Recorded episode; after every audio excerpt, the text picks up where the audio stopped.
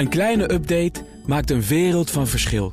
Daarom biedt IKEA voor Business Netwerk gratis snelle interieurtips en ideeën. Word gratis lid en laat je werkplek voor je werken. IKEA, een wereld aan ideeën. Ondernemerspanel. Apple-doorverkoper AMAC intimideert en bedreigt zijn eigen medewerkers, zegt vakbond FNV. En directeur groot aandeelhouders keert zichzelf massaal dividend uit voordat het volgend jaar is begonnen, want dan geldt een extra belasting. Dat en meer bespreek ik in het ondernemerspanel met Elske Doets van Doets Reizen en Carlijn Lortie, directeur van Mode Movement. Welkom, fijn dat jullie er zijn. Dankjewel. Met ook vandaag jullie eigen nieuws. Elske, wat wil jij onder de aandacht brengen? Uh, ja, nou, als we even terugkijken, want dit is natuurlijk ook een jaar, uh, of een laatste dag van het jaar waarin we terugkijken. Zien we dus in het uh, nieuws dat het met de vrouwen in Nederland, en dan heb ik het over gender equality, nog niet zo heel erg lukt. He, als we kijken naar bijvoorbeeld uh, funding van start-ups die door vrouwen worden opgericht of deels door vrouwen worden gerund. Dat loopt uh, nog niet echt geweldig in de politiek. We hebben nog steeds geen aankomende vrouwelijke premier. Maar ook in de wetenschap krijgen vrouwen veel minder ja, subsidies om onderzoek te doen. Bestuurders van beursgenoteerde uh, bedrijven viel ook exact, tegen. Exact. Dus um, ja, ik zet mij dus zelf uh, naast de reisondernemer ook in op het gebied van impact, op het gebied van gender equality uh, in met mijn Young Lady Business Academy. Dat is een non-profit. En um, ja, na zes jaar heb ik nu 700 alumni. Dus uh, dat zijn echt jonge vrouwen die veel al impact willen maken. En ik had gisteren de finale. En, met een winnaar dan, denk ik ook. Met een winnaar. En ik vind dat echt een fantastische winnaar. Want dat is Mijnke van Oenen. Zij is nog maar 19 jaar. Ze studeerde vorig jaar in Delft. Ze studeert nu aan de Erasmus, omdat ze naast onderzoeker dus ook een hele goede ondernemer wil worden. Want zij heeft een techniek uh, uitgevonden. Wat veel minder schadelijk is dan osmose. Want dan heb je het over het ontzilting van zout water naar zoet water. Nou denk je, we komen om in het water hè, deze week in Nederland. Ja, er is te veel aan. Maar in 2030, dat heeft het RIVM onderzocht... hebben wij dus al een zoet watertekort in Nederland. En um, ja, dat is een groot probleem. Vooral ook voor de industrie, want die gebruikt natuurlijk heel veel water. Ja, en Mijnke die wil zich dus in gaan zetten om uh, eigenlijk een ja, impactondernemer te zijn. Waarbij ze dus de natuur gebruikt als oplossing. Want ze gebruikt dus algen om dus dat water te ontzilten. Maar ze wil dat groot maken.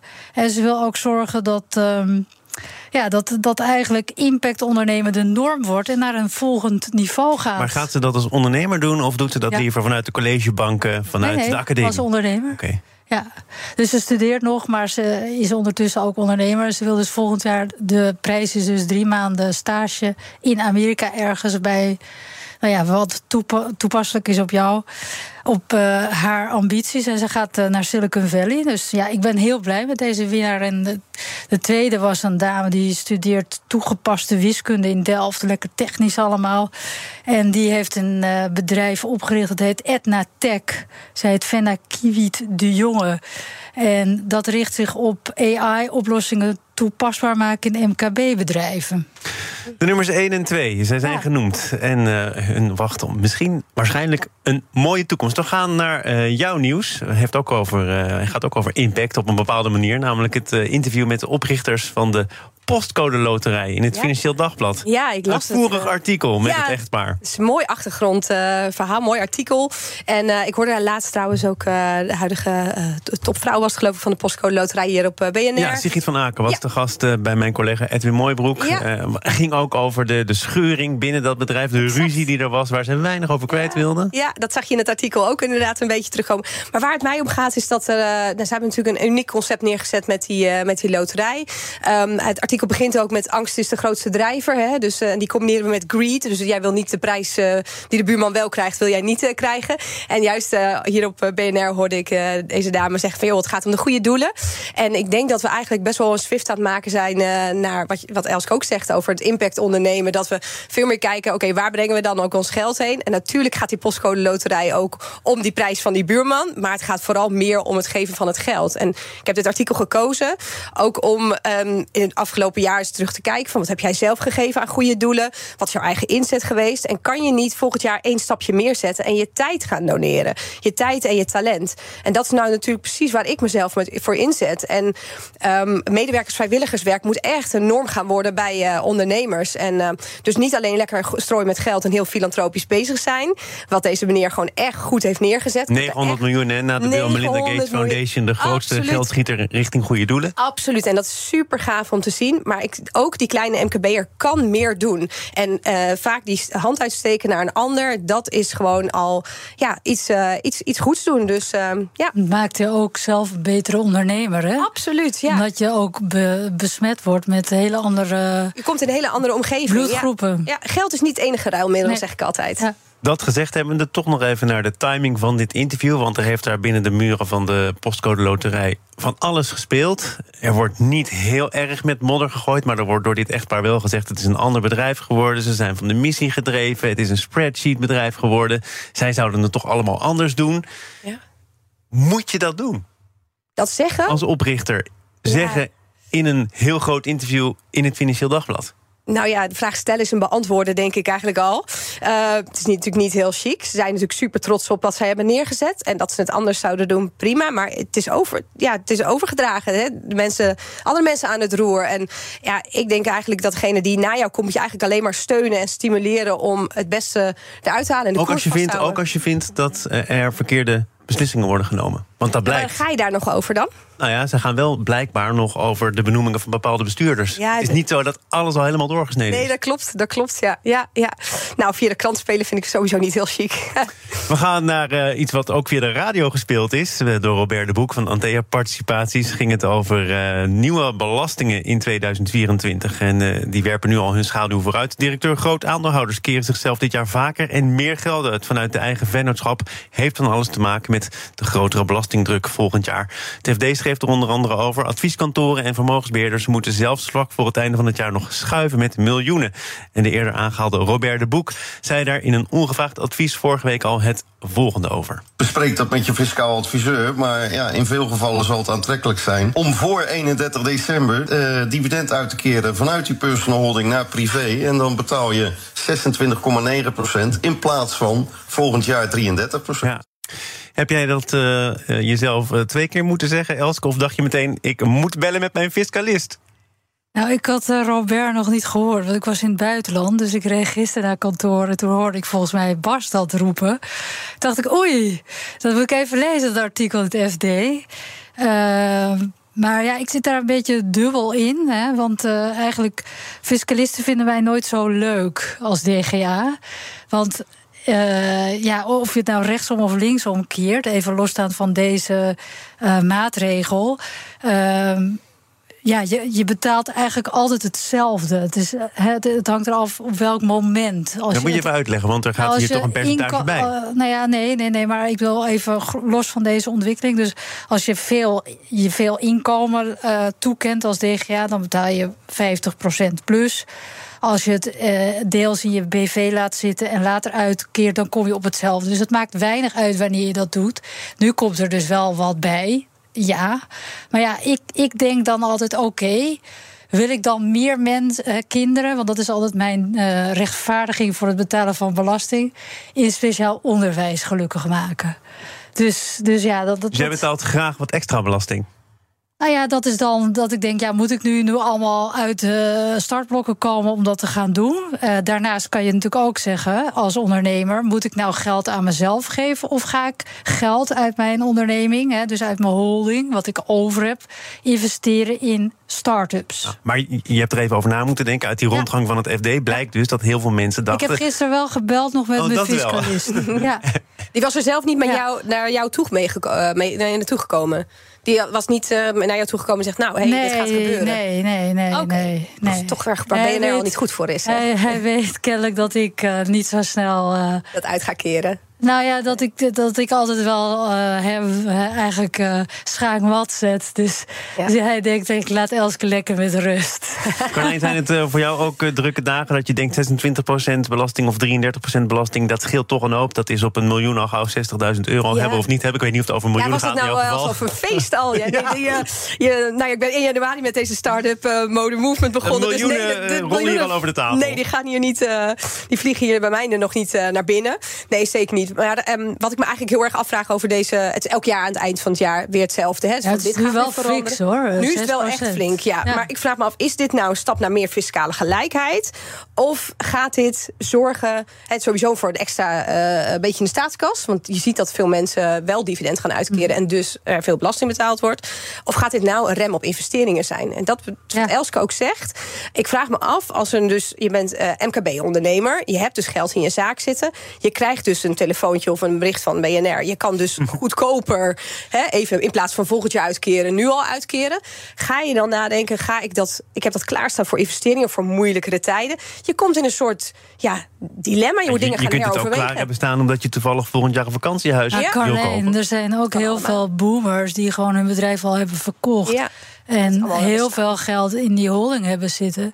En dat natuurlijk prima dus in start-ups nou, uitkeren. Ik zou zeggen, hou het in je holding en ga, ga daarmee investeren in start-ups. Maar is, deze nieuwe, uh, is dit nieuwe tarief nou dan een negatief effect op die investeringen? He, ga, ga je dan eigenlijk de, de greed weer naar boven halen? Of zeg je nee, ze doen kan dat... positief zijn, ja. Ja?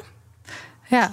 Als... Maar de, de belastingdruk komt waarschijnlijk toch een beetje meer in de buurt van het reguliere tarief van inkomstenbelasting, toch? Terwijl je als ondernemer zou je kunnen beweren... meer risico loopt, dus ook een andere fiscale behandeling verdient. Ja, maar linksom of rechtsom, dat zit toch altijd, als je het bij elkaar optelt, rondom hetzelfde. En nu wordt het dus wat hoger. Maar je zegt het is wel fix. Het kabinet ja. ging in de eerdere ja. plannen uit van 31 procent. Ja. Uh, onder druk van de Kamer is dat nog verhoogd naar 33 procent. Uh, begrijp je dat? Heb je daar begrip voor om meer kinderen in het speciaal onderwijs een plek te geven? Uh, ja, ik zit daar een beetje dubbel in. Kijk, ik doe dat dus puur om mezelf uh, gewoon uh, dat, dat dan, dan met liefde dan over te maken aan de fiscus. Uh, maar uiteindelijk is het wel zo dat ondernemers natuurlijk wel risico lopen. En daarvoor ook in mijn optiek gewoon beland mogen worden. Je moet elk jaar opnieuw beginnen. Hè? Dus 1 januari beginnen we weer helemaal opnieuw. Uh, je, je zorgt voor werkgelegenheid. Je moet zorgen dat dingen vooruitkomen. Als dat succesvol is, betaal je daar belasting voor. Verlijn? Ja, moet dat altijd maar afgestraft worden? Want uiteindelijk brengen, uh, moeten wij wel het land. Maar ik heb het idee dat je er helemaal brengen. niet zo dubbel in zit. nee, nee, dus, nu je er nog eens goed over nadenkt. Ja, nou ja ik zeg u, nou ja. Nou ja, goed, het is puur als ik dat bedrag overmaak... dat ik dan aan die kinderen denk. Oké. Okay. Ja, ja, precies. Ja. En natuurlijk als ondernemer denk je ook... oké, okay, hoe meer belasting ik betaal... hoe beter het ook weer met de zaak gaat. Dus in, de, in die zin, je kan het altijd weer positiever uh, draaien. Nee hoor, dus um, ja, doen uh, waar je je goed bij voelt... maar echt in het achterhoofd houden... Uh, waar, zet je, waar zet je je geld nog voor in. Ja. Kijk, dat... het is wel jammer, nog even om dat af te ronden... dat toch een heleboel mensen dan dus toch ondernemers in Nederland... met de nek aankijken...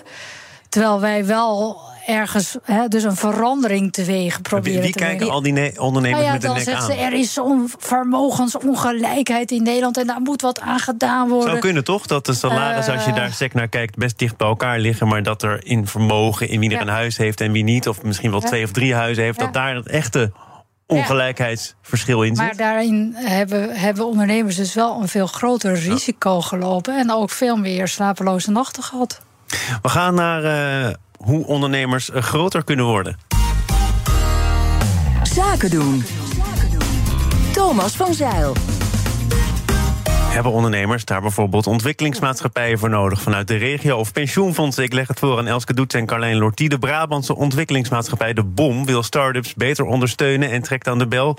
Uh, ze hebben daar uh, naar eigen zeggen 2 tot 4 miljard euro voor nodig om scale-ups beter te ondersteunen.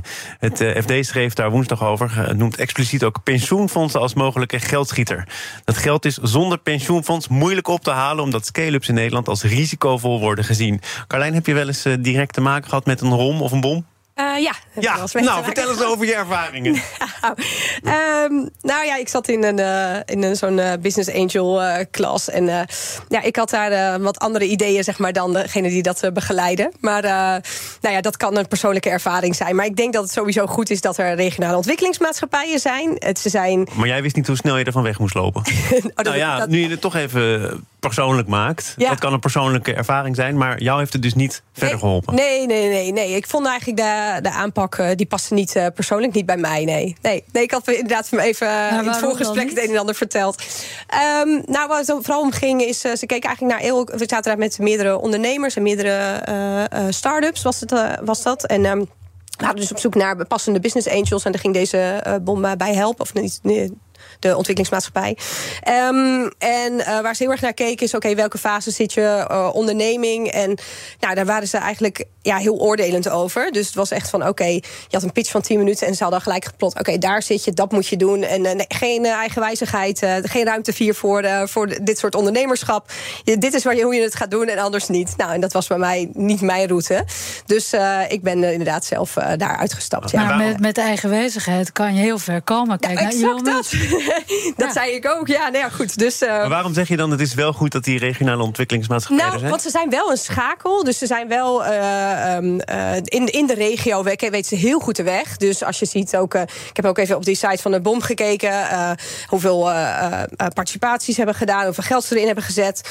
Um, en en ik snap ook best wel dat een aanjager kan zijn. Maar ik zie ook waar dat gat zit. Namelijk rondom die skill-ups. En zij vragen nu 8 tot 15 keer meer geld dan dat ze al investeren. Ik zag dat ze 263 miljoen eh, vorig jaar hadden gedaan. En ze vragen nu 2 tot 4 keer 4 miljard. Ja, dat is wel een enorm gat. En volgens mij was het vorige week in het ondernemerspanel hadden jullie het ook over.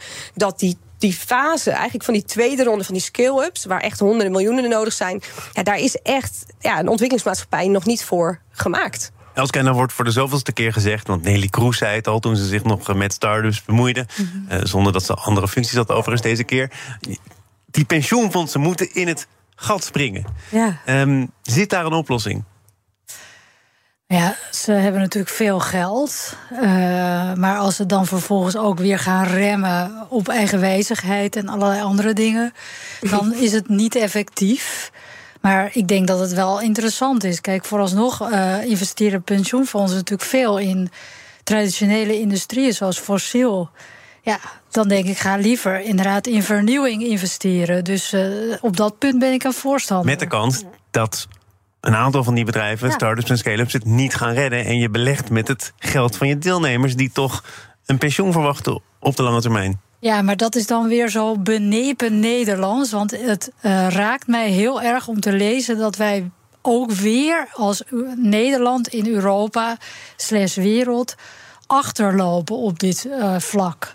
En dan denk ik, ja, hoe kan dat nou? Is dat nou die, die behoudendheid van in Nederland moeten we allemaal niet al te gek doen. Want ja, uh, als je kop boven het maaiveld uitsteekt, dan wordt hij eraf gehakt. Dat, daarmee snijden we ons wel in de vingers. hoe goed of slecht gaat het dan? Want op de site van de bom staat een rapport van Dealroom. Uh, en dat concludeert internationaal gezien staat Nederland in de top 20 van jaarlijkse venture capital investeringen. De VC-investeringen in Nederland zijn flink gegroeid de afgelopen jaren met een piek in 2021 toen er 7 miljard dollar opgehaald is. Ja, in aantallen, maar niet in, uh, in bedragen. Nee. Dat is het ook. Je kan in aantallen wel gaan tellen hoeveel, hoe actief je bent. Maar als je kijkt naar de bedragen en even over die behoudendheid.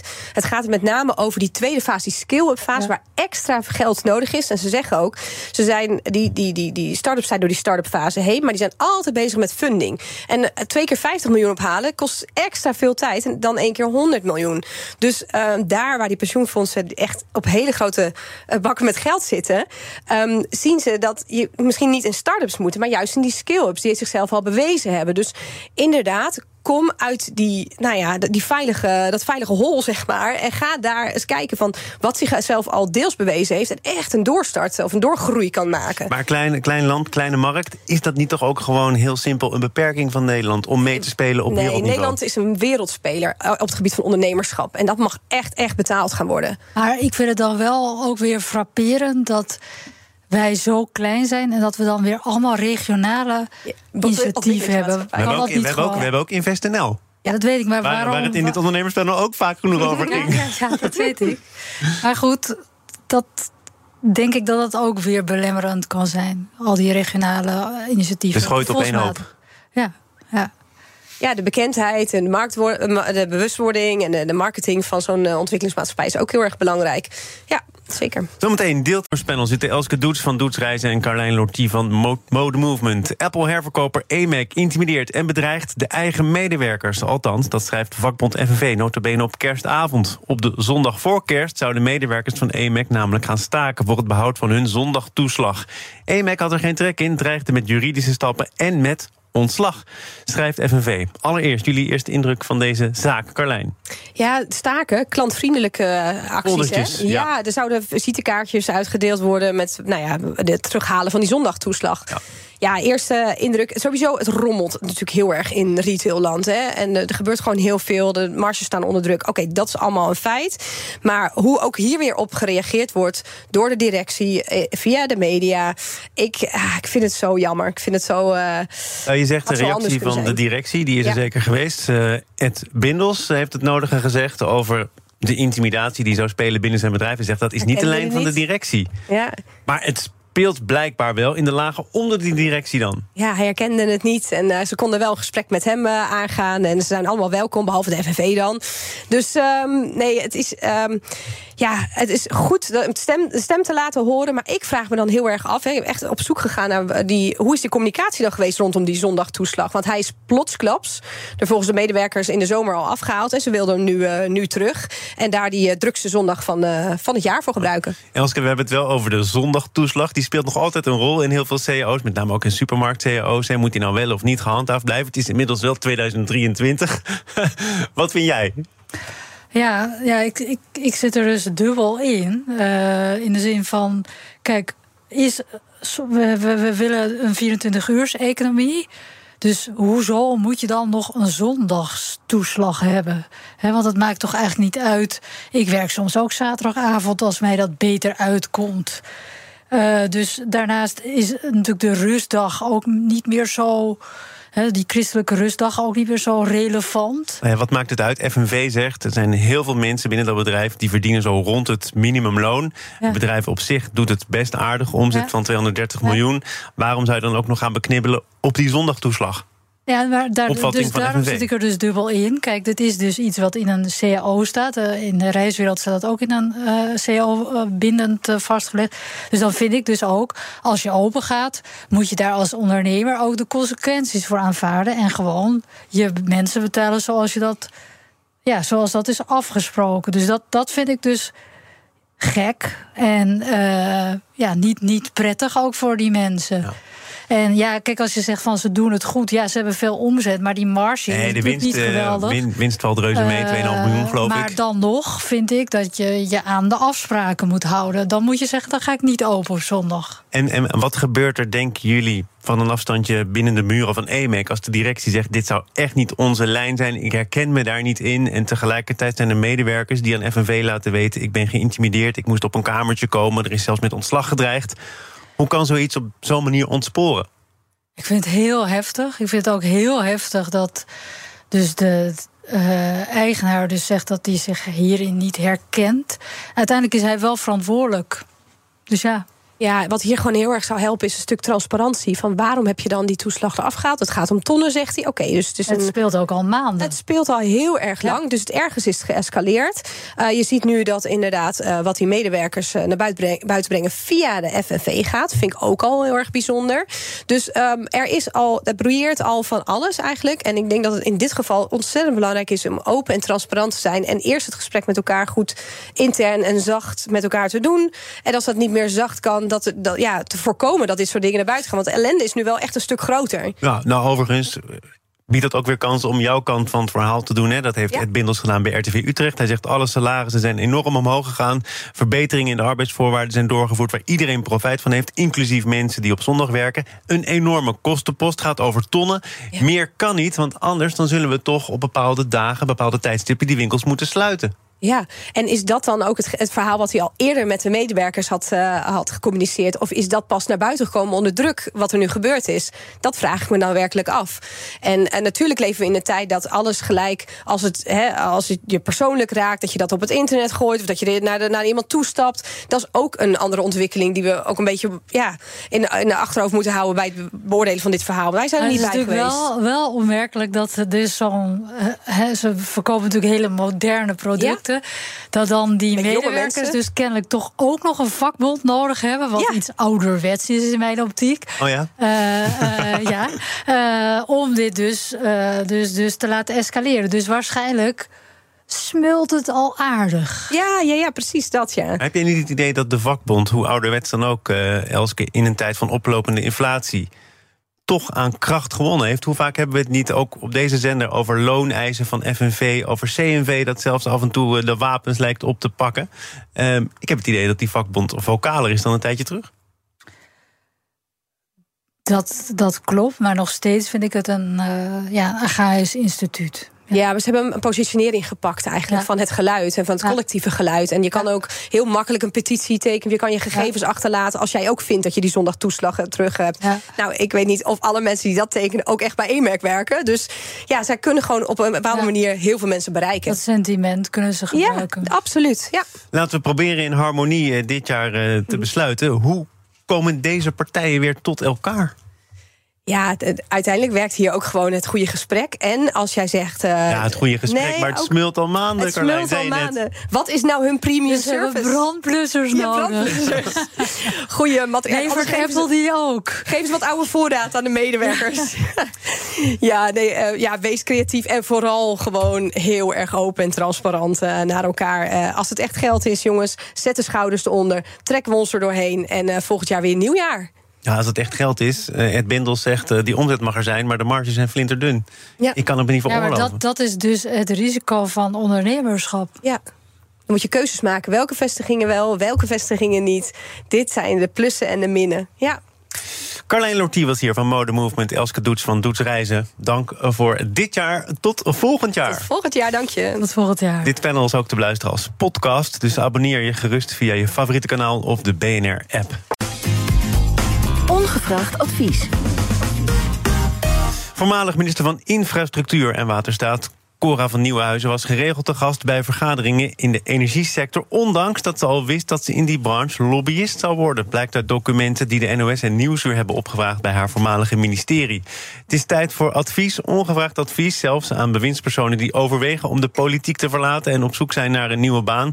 Dat komt van uh, een specialist op dit vlak, uh, reputatie-expert Debbie de Wagenaar. Goed dat je er bent, ook een lid van ons lobbypanel.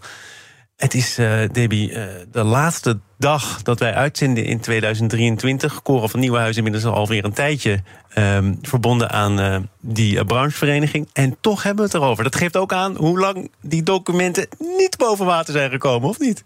Ja, ik denk dat dit een dubbelslag is. Het gaat over een oud-minister. Het gaat over niet integer gedrag.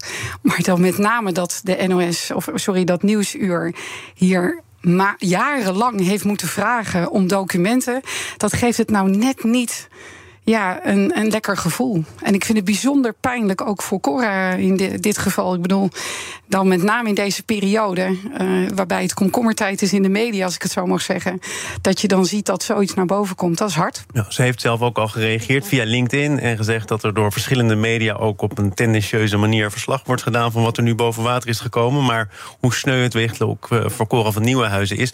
Uh, voordat we het hebben over de persoonlijke consequenties. Wat blijkt daar nu uit? En heeft hij misschien toch ook sommige dingen niet goed gedaan?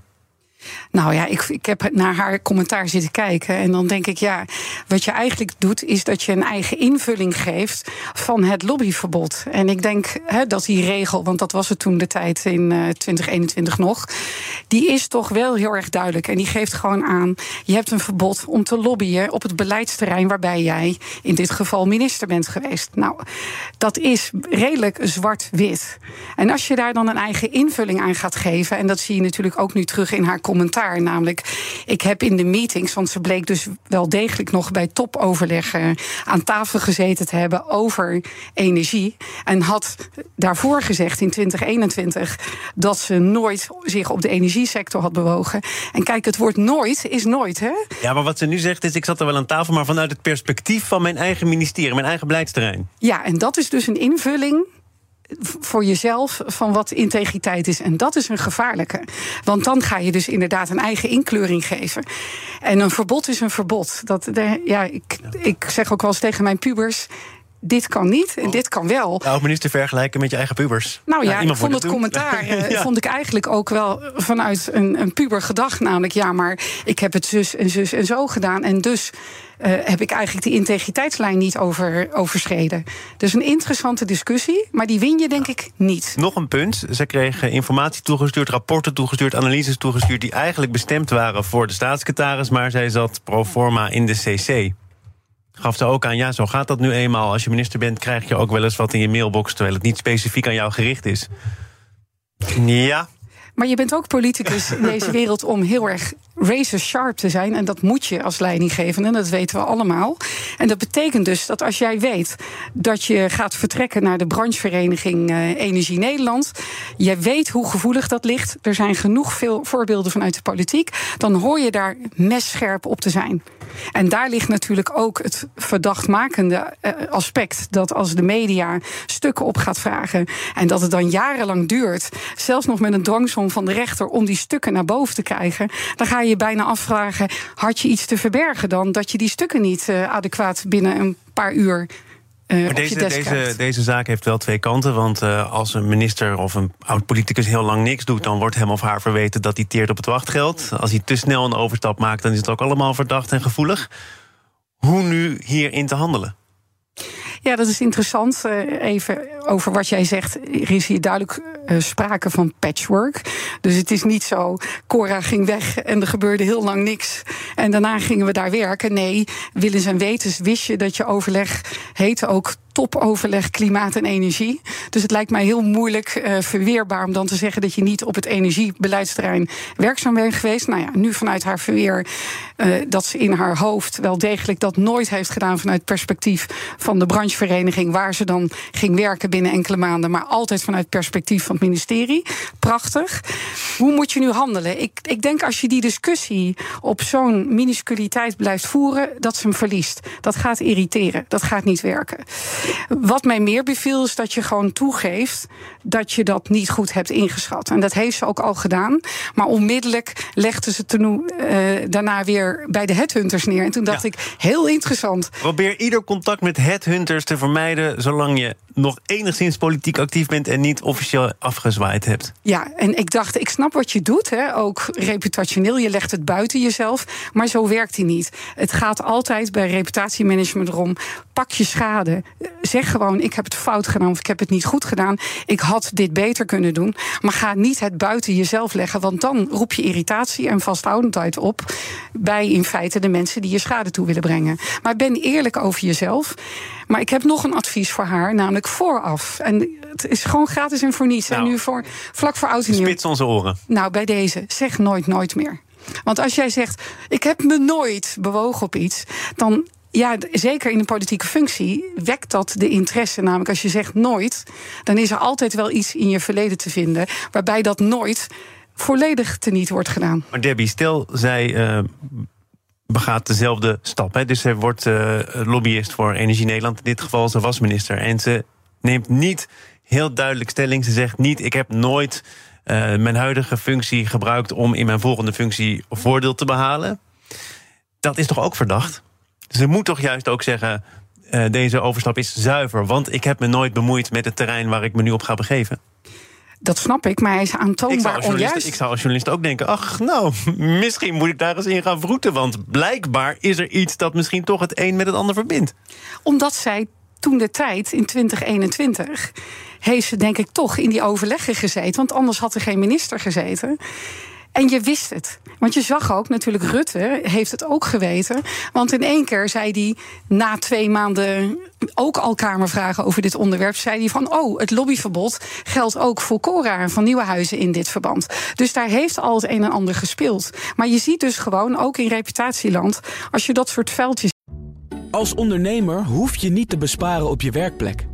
Want IKEA voor Business Netwerk biedt korting op verschillende IKEA-producten. Word gratis lid en laat je werkplek voor je werken. IKEA, een wereld aan ideeën.